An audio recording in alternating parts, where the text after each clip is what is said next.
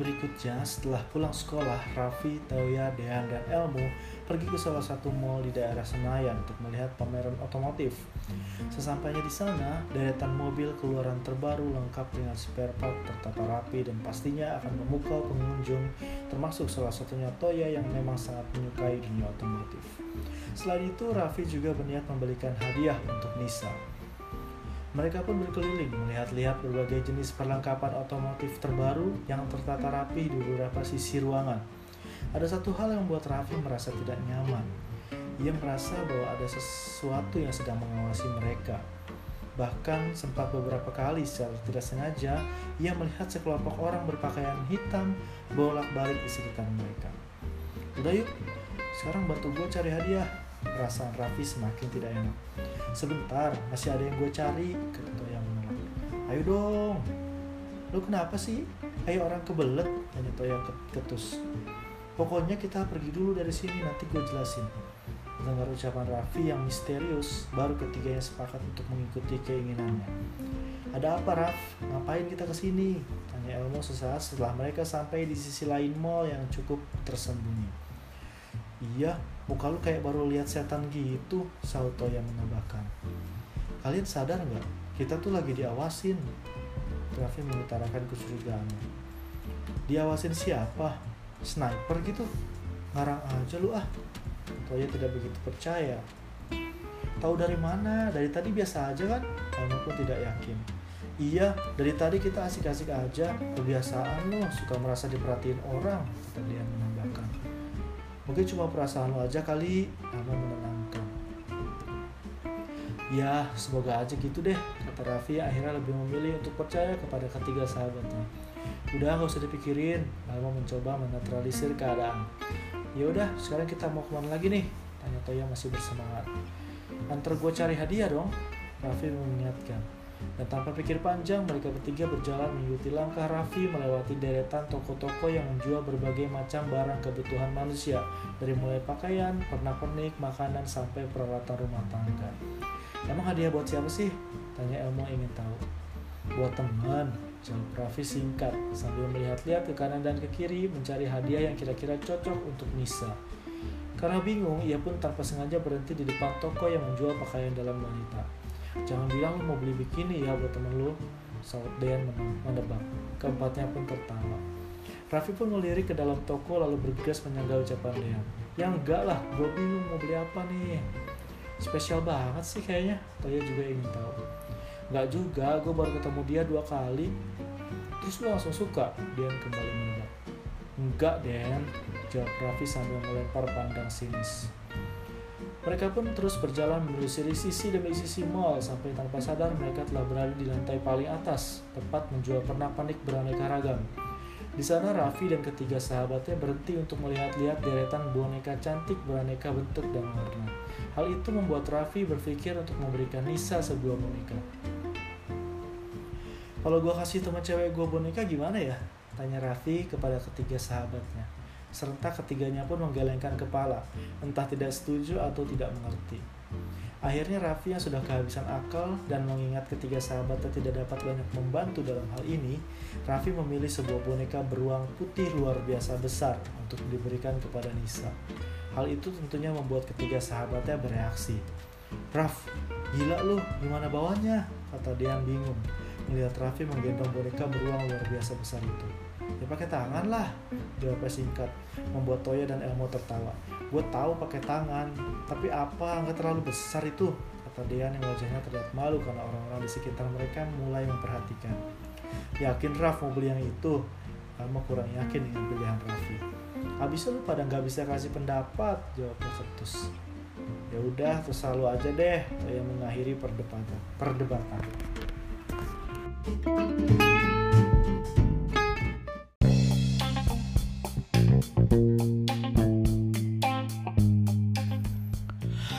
Setelah kelelahan menemani Raffi mencari hadiah untuk Nisa sore hari itu, mereka memutuskan untuk pulang. Di saat menurunnya eskalator, benar saja apa yang dikatakan Raffi bahwa mereka sedang diawasi. Di hadapan mereka berempat, sekarang berdiri tegap lima orang berpakaian serba hitam yang terlihat seperti harimau yang siap menerkam empat potong daging segar. Apa-apaan nih? Toya sangat terkejut, begitupun ketiga sahabatnya. Udah gue bilang kan, kita diawasi, Saud Raffi terlihat mulai khawatir. Ada perlu apa ya sama kita? Tanya Elmo mencoba ramah. Kami mau Anda ikut dengan kami, jawab salah satu orang berpakaian serba hitam itu tegas. Saya? Elmo semakin tidak mengerti. Ya. Ada masalah apa kalian sama Elmo? Tanya Toya dengan nada menantang. Bukan urusan Anda, jawabnya kasar. Maaf, saya nggak bisa ikut dengan kalian, Elmo menegaskan. Betul, kita nggak akan biarin Elmo ikut dengan kalian tanpa alasan yang jelas, ucap Raffi sambil berjalan ke depan Elmo. Sekarang lebih baik biarin kami pergi, kata Toya menambahkan. Di balik itu mereka berempat mencoba berbicara dengan isyarat mata, yang bisa disimpulkan bahwa dalam hitungan ketiga, mereka harus berlari menghindari kelima orang berpakaian serba hitam tersebut. Perlahan-lahan Raffi mulai menghitung. Satu, dua, tiga, lari! Keempatnya pun bergegas lari secepat mungkin. Hanya Raffi yang sedikit kerepotan pada saat berlari karena harus membawa boneka beruang super besarnya. Tangkap mereka, kata seorang dari mereka geram. Tanpa pikir panjang, kelima orang misterius itu pun berlari mengejar Elmo, Raffi, Toya, dan Dean. Kita lari ke mana? Tanya Raffi panik. Kita langsung ke mobil aja, terus kita cepat pergi dari sini, Toya memutuskan. Keputusan untuk kembali ke mobil menjadi solusi terbaik menurut mereka saat itu. Keempatnya pun berlari menuruni eskalator dan cepat-cepat melewati pengunjung lain yang juga akan turun. Hal itu tentu membuat semua orang melihat aneh ke arah mereka. Akhirnya setelah pelarian yang cukup melelahkan, mereka sampai di tempat parkir dan bergegas masuk ke dalam mobil. Toya tidak mau membuang waktu lagi. Ia langsung menyalakan mesin mobil dan mulai menjalankan mobilnya. Namun betapa terkejutnya mereka saat kira-kira tiga buah mobil berwarna hitam mengepung mobil yang ditumpangi oleh mereka. Kemudian dari dalam ketiga mobil itu keluar lebih banyak lagi orang-orang berpakaian serba hitam. Ah, sial. Mau apa sih mereka? Tanya Toya sudah sangat emosi. Mereka mau ikut mereka mau gue ikut sama mereka, ucap Elmo yang terlihat kelelahan. Iya, tapi buat apa? Tanya Raffi juga terlihat emosi.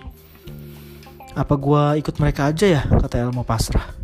Jangan mau, kita nggak tahu mau mereka apa, kata Dian mulai ikut bicara. Sepertinya tangan Dian sedikit memar karena terbentur benda keras saat berlari tadi. Tangan lu kenapa Dian? Tanya Elmo khawatir. Nggak apa-apa kok. Dian berbohong. Udah deh, lebih baik kita keluar aja dan hadapi mereka, kata Toya sudah sangat marah pada orang-orang berpakaian hitam itu. Ayo. Tunggu, tunggu. Lu semua yakin? Lebih baik kita damai aja, kata Elmo tidak setuju.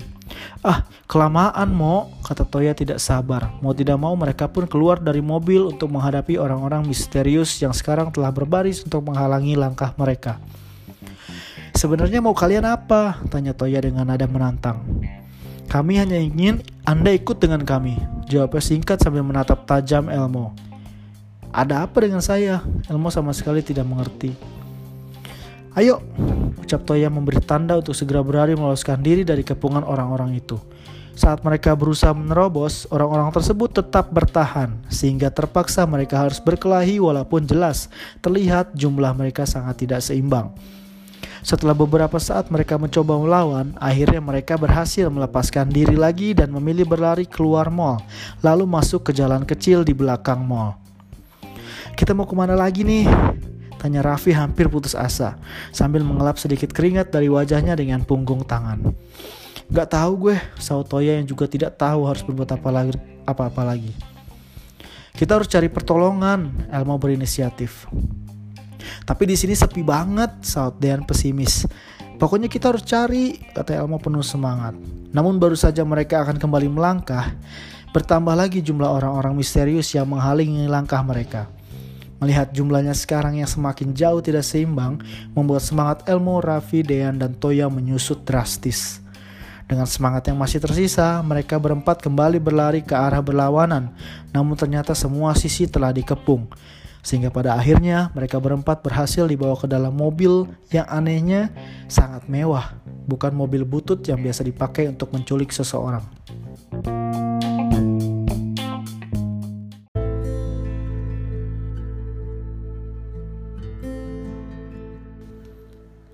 Lama menunggu tanpa kejelasan, mobil yang membawa Raffi, Elmo, Toya, dan Dean akhirnya memasuki sebuah rumah mewah dengan halaman depan penuh dengan tanaman-tanaman indah beraneka ragam jenis dan warna. Akhirnya mobil mewah keluaran terbaru itu terhenti tepat di depan pintu utama rumah. Setelah mesin mobil benar-benar telah mati, pintu mobil pun terbuka. Maka keluarlah Elmo, Raffi, Dean, dan Toya sambil memicingkan mata mereka karena silau berada terlalu lama di dalam mobil yang gelap.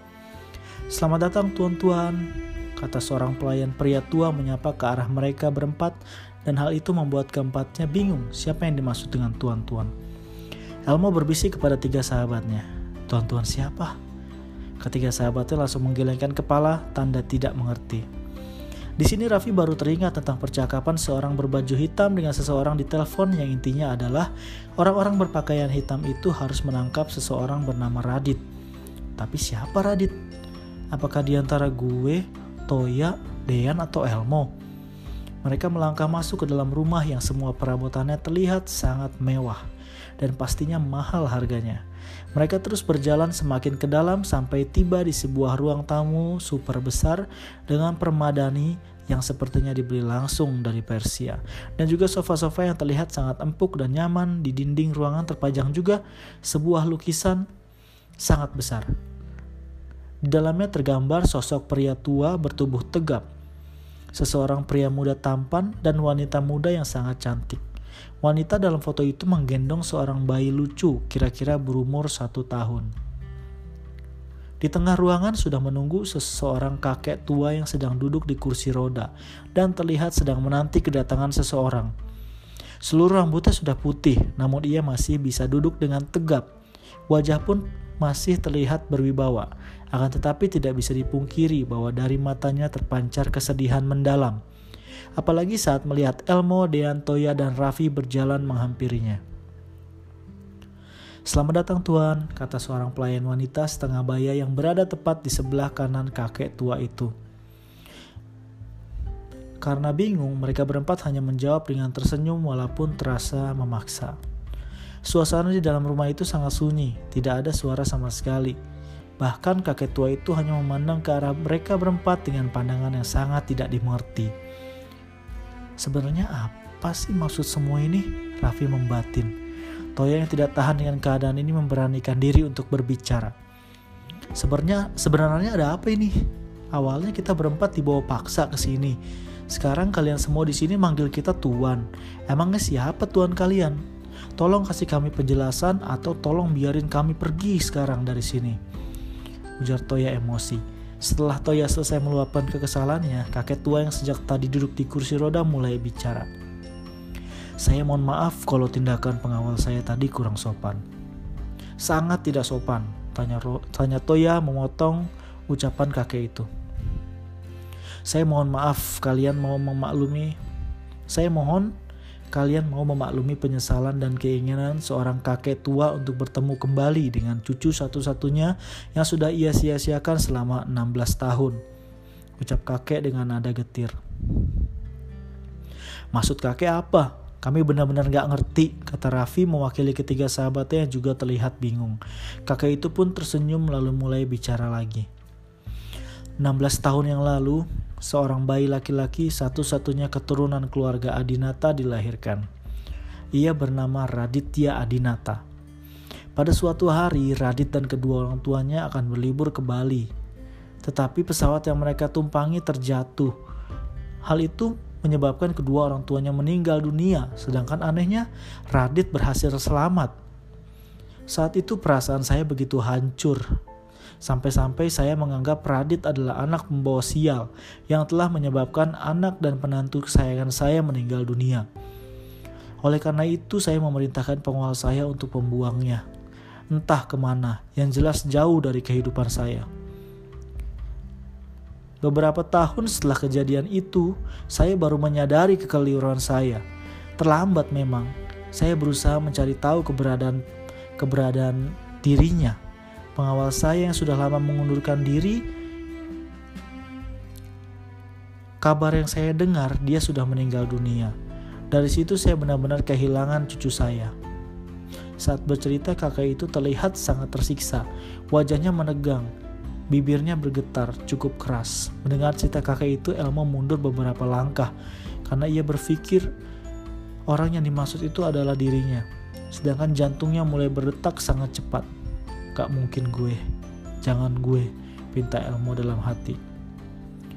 Jahat banget, Raffi tidak bisa lagi menyembunyikan kekesalannya. Iya, memang saya sangat jahat. Sekarang Raditya Adinata itu siapa? Dan hubungannya dengan kami itu apa? Toya terus mendesak. Raditya Adinata adalah kamu. Elmo, jawab kakek itu sambil memandang Elmo penuh harap. Hal itu langsung membuat Raffi dan Toya terlebih Elmo terkejut luar biasa. Ternyata benar Elmo, batin Raffi sulit dipercaya. Enggak, Elmo tidak bisa percaya. Apa yang dia takutkan benar-benar saja terjadi. Benar nak, kamu adalah cucu kakek, cucu kakek satu-satunya. Itu adalah foto ayah dan ibu kamu, kata kakek itu menunjuk ke arah lukisan. Saya nggak percaya. Elmo tetap tidak percaya, ataupun memang tidak ingin percaya sama sekali dengan kenyataan ini. Kamu kenal kalung ini? Kakek itu menunjukkan potongan lain dari kalung yang dimiliki Elmo. Ini adalah bagian lain dari kalung yang kamu miliki. Satu bagian ada pada kamu dan bagian lainnya ada pada orang tua kamu pada saat kecelakaan terjadi. Kata kakek itu,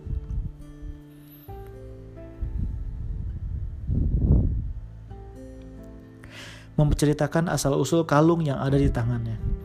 Setelah Elmo melihat kalung itu, wajahnya terlihat sangat terkejut. Ia pun memegang bagian atas dadanya, tepat kalung itu ia kenakan. Kamu juga punya tanda goresan di punggung atas tubuh kamu akibat kecelakaan pesawat itu, nak. Kakek itu mengingatkan Elmo akan luka gores di punggungnya. Saya nggak percaya, dan kalaupun kenyataannya saya adalah cucu Anda, saya tidak akan pernah mau punya kakek yang tidak punya hati seperti Anda. Permisi, kata Elmo tegas, lalu langsung pergi meninggalkan ruangan. Raffi, Toya, dan Dean yang bingung harus berbuat apa memilih bergegas mengejarnya. Radit, teriak kakek itu saat Elmo pergi meninggalkannya. Tetapi Elmo sama sekali tidak memperdulikan. Ia malah berlari keluar dari rumah kemudian bergegas pergi secepat ia bisa. Mo, Elmo, panggil Raffi berkali-kali. Namun Elmo pura-pura tidak mendengar atau memang benar-benar tidak mendengar. Ia terus berjalan tanpa henti. Radit, panggil Raffi lagi dengan nama aslinya. Berbeda dengan tadi, setelah mendengar panggilan itu, ia pun berhenti dan berbalik memandang ketiga sahabatnya dengan wajah penuh kemarahan. Jangan panggil gua dengan nama itu. Mo, kita tahu posisi lo sulit. Mungkin kita bisa bantu, Raffi menawarkan. Gua nggak butuh bantuan siapa-siapa, jawabnya tegas. Tapi Mo, Toya ikut berbicara. Namun kata-katanya terhenti karena sebenarnya ia juga tidak yakin dengan apa yang ingin ia katakan. Kali ini Elmo tidak menjawab. Ia malah berlari meninggalkan ketiga sahabatnya yang sekarang terdiam karena bingung harus berbuat apa. Hah, lu sih Raf, panggil dia pakai nama Radit, saut Dean menyalahkan. Kok jadi gue yang salah? Habis itu dipanggil Elmo gak mau nengok. Tapi waktu lu gak tepat tuh ngebahas masalah itu, ucap Dean lagi tidak mau kalah. Diem deh lu berdua. Toya menghentikan perdebatan yang jika dibiarkan bisa jadi akan menimbulkan masalah baru bagi mereka. Gue gak nyangka ternyata selama ini Elmo tinggal bukan sama keluarga aslinya. Gue gak bisa bayangin gimana kalau gue yang ada di posisi dia. Pasti bingung banget. Raffi menyambung ucapan Toya. Walaupun Elmo orang yang gak pernah dendam dan selalu memaafkan kesalahan orang lain, tapi pasti dalam hal ini akan sulit buat dia. Kata Toya sambil memandang Elmo yang masih terlihat dari di kejauhan. Apalagi kalau Elmo baru tahu semuanya hari ini ya, Dean menambahkan. Jadi sekarang gimana dong? Tanya Raffi kepada dua sahabatnya. Gue gak tahu, kata Dian bingung harus bagaimana. Dian memang tidak ahli dalam masalah seperti ini. Ia pasti akan lebih memilih mengerjakan ratusan soal matematika ketimbang mencari solusi dari masalah ini. Mungkin kita harus tunggu besok. Mudah-mudahan dia udah lebih tenang. Kata Toya mencoba memberi solusi. Ya, gue setuju tuh, kata Raffi mengakhiri, sedangkan Dean hanya menjawab dengan anggukan yang berarti setuju. Mereka pun memutuskan untuk pulang karena hari sudah mulai malam dan besok mereka masih harus masuk sekolah. Tetapi sebelumnya mereka akan kembali ke mall untuk mengambil mobil.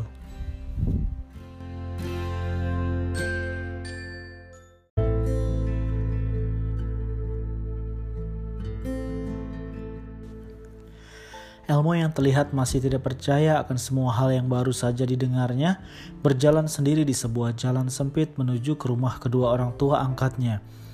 Sepanjang jalan, pertanyaan-pertanyaan terus mengusik kesendiriannya. Kenapa kehidupan gue harus seperti ini? Apa benar gue adalah cucu dari kakek itu? Apa benar gue adalah satu-satunya keturunan keluarga Adinata? Apa yang mesti gue perbuat sekarang?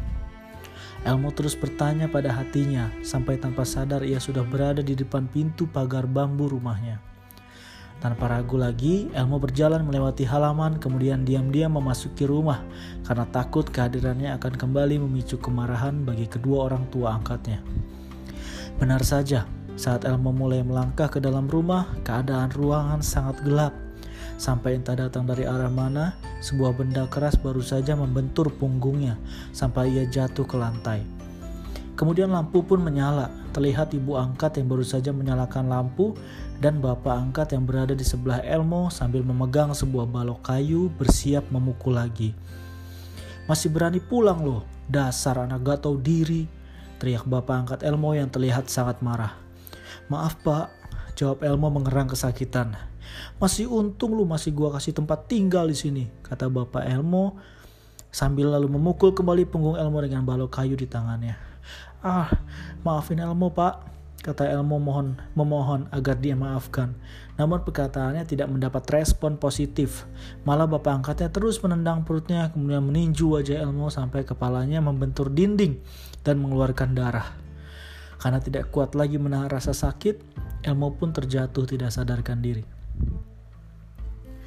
Beberapa jam kemudian, Elmo sudah terbaring di rumah sakit dalam kondisi kritis. Setelah Elmo terjatuh pingsan beberapa waktu sebelumnya, orang-orang berbaju hitam langsung datang menyelamatkan dan membawanya ke rumah sakit. Menurut hasil pemeriksaan dokter, kondisinya sangat parah. Luka benturan keras di kepala menyebabkan gegar otak. Lebam di wajah dan beberapa luka lain di bagian tubuh membuatnya tidak kunjung terbebas dari masa kritis. Di luar ruangan IGD, Raffi, Dean, dan Toya sudah datang dan sedang berbicara dengan dokter yang baru saja selesai memeriksa kembali kondisi Elmo. Di sekitar mereka turut hadir tiga orang berbaju hitam yang mereka kenal sebagai anak buah dari keluarga Adinata. Dok, gimana keadaan Elmo dok? Tanya Raffi terlihat sangat khawatir. Begitu juga dengan Dean dan Toya yang rela datang padahal saat itu sudah tengah malam. Pasien saat ini dalam kondisi kritis. Hal itu dikarenakan pukulan benda tumpul di bagian tubuh dan benduran, benturan benda keras di sekitar kepala, sehingga membuatnya mengalami gegar otak. Sekarang kita hanya bisa berdoa semoga tidak akan terjadi hal yang lebih buruk lagi, jawabnya menjelaskan. Tolong selamatkan sahabat kami dok, kata Toya memohon. Iya dok, tolong usahakan yang terbaik buat sahabat kami, saud Raffi menambahkan. Pasti, saya akan melakukan yang terbaik, jawab dokter itu sambil tersenyum penuh harapan. Boleh kami masuk? Tanya Raffi tidak sabar. Tentu saja, tapi tolong biarkan pasien beristirahat dan jangan membuat pasien merasa terganggu. Saya permisi dulu. Selamat malam. Dokter itu mengizinkan lalu berjalan pergi. Terima kasih dok, kata Raffi, Dean, dan Toya bersamaan. Tetapi saat mereka akan melangkah masuk, tiga orang berpakaian serba hitam itu menghalangi mereka. Spontan Toya menarik kerah salah satu dari mereka. Mau apa lagi kalian? Kalian kan yang membuat Elmo jadi begini? Toya tidak terima. Jangan pernah ganggu Elmo karena kita nggak akan biarin itu terjadi lagi, ucap Raffi mengancam. Biarin kita masuk, saut Dian ikut membujuk. Bisa lepaskan tangan Anda dari kerah baju saya, kami akan menjelaskan semuanya. Dengan segan Toya pun menarik kembali tangannya. Salah satu orang berbaju hitam yang mengambil alih untuk bercerita. Yang melukai Tuan Radit bukan kami, tetapi orang tua angkatnya. Kalian tentu ingat luka-luka Tuan Radit beberapa waktu lalu.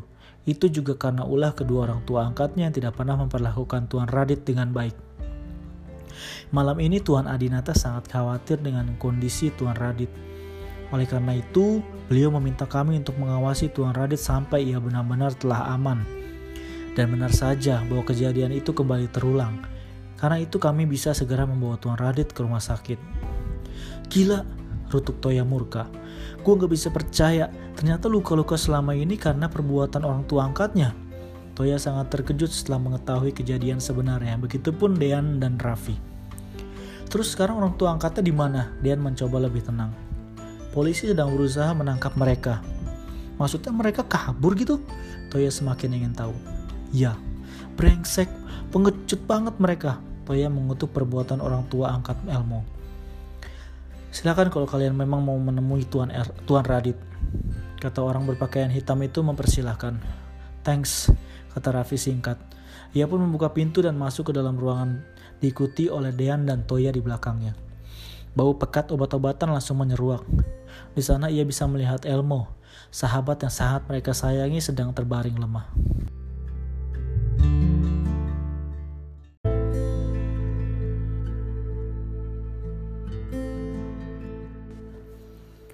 Puluhan kilometer dari rumah sakit, polisi sedang berusaha melacak keberadaan orang tua angkat Elmo yang melarikan diri setelah melakukan tindakan kekerasan. Dengan beberapa anjing pelacak dan tim dari ber, dari kepolisian, mereka mulai menelusuri lingkungan sekitar rumah yang sudah kosong dan beberapa tetangga terbangun karena terusik dengan peristiwa yang terjadi. Tidak jauh dari rumah terdapat sebuah sungai berbatu dan tebing-tebing tinggi mencuat. Di sekitarnya terdapat sangat banyak semak belukar sehingga akan sangat sulit untuk menemukan mereka jika mereka bersembunyi di antaranya. Ditambah lagi pencarian dilakukan di waktu dini hari. Setelah pencarian yang cukup lama, akhirnya anjing pelacak berhasil mendeteksi keberadaan mereka. Ibu dan bapak angkat Elmo yang takut tertangkap terus berusaha melarikan diri dari kejaran polisi. Di atas tebing-tebing dan semak belukar mereka berlari tanpa henti sampai akhirnya bapak angkat Elmo terperosok jatuh ke dalam jurang Istrinya yang berpegangan tangan pada suaminya pun ikut terjatuh. Tubuh mereka terjatuh membentur bebatuan di sekitar sungai. Kondisi yang saat itu sangat gelap, sangat menyulitkan polisi untuk menemukan mereka. Dengan demikian, polisi harus menunggu sampai matahari terbit. Sedikit demi sedikit, matahari mulai menampakkan sinarnya, membuat keadaan di lokasi tersebut semakin lama semakin terang. Daun-daun terlihat diselimuti oleh embun dan suara burung-burung mulai berkicau. Menandakan bahwa pagi telah menyapa. Para polisi yang sejak dini hari terus berjaga kembali melakukan pencarian. Mereka mencoba menelusuri bawah tebing dan sekitar sungai. Setelah pemeriksaan beberapa tempat, mereka melihat dua tubuh manusia tergeletak tidak bergerak di bebatuan dengan darah membasahi tubuh mereka. Tanpa membuang waktu, polisi segera memastikan apakah mereka berdua masih hidup. Suaminya masih hidup namun terluka parah sedangkan istrinya meninggal dunia pak, laporan seorang polisi kepada atasannya. Segera panggil ambulans, perintahnya, perintah atasannya tegas. Sementara di rumah sakit, keadaan Elmo belum menunjukkan kemajuan yang berarti. Sedangkan Raffi, Dean, Toya semalaman menemaninya di dalam ruangan.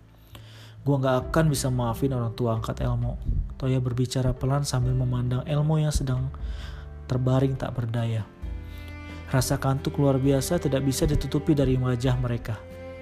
Mereka bukan manusia, katanya menambahkan. Gak boleh ngomong gitu, Toy, ucap Raffi sambil menepuk bahu Toya. Wajah Raffi dan Dian pun tidak kalah parah. Sejahat apa pun mereka, toh Elmo bisa sukses kayak sekarang juga karena didikan mereka kan dan bijaksana. Tapi mereka nggak punya hati dan otak. Toya tetap tidak bisa terima. Jangan keras-keras. Raffi memelankan suaranya. Gue tahu, tapi udahlah. Kita nggak usah mikirin itu. Yang penting sekarang, gimana supaya Elmo bisa cepat sembuh. Raffi kembali menenangkan. Dian pun mengangguk tanda setuju. Di saat mereka bertiga sedang mengobrol, terdengar ada seseorang mengetuk pintu.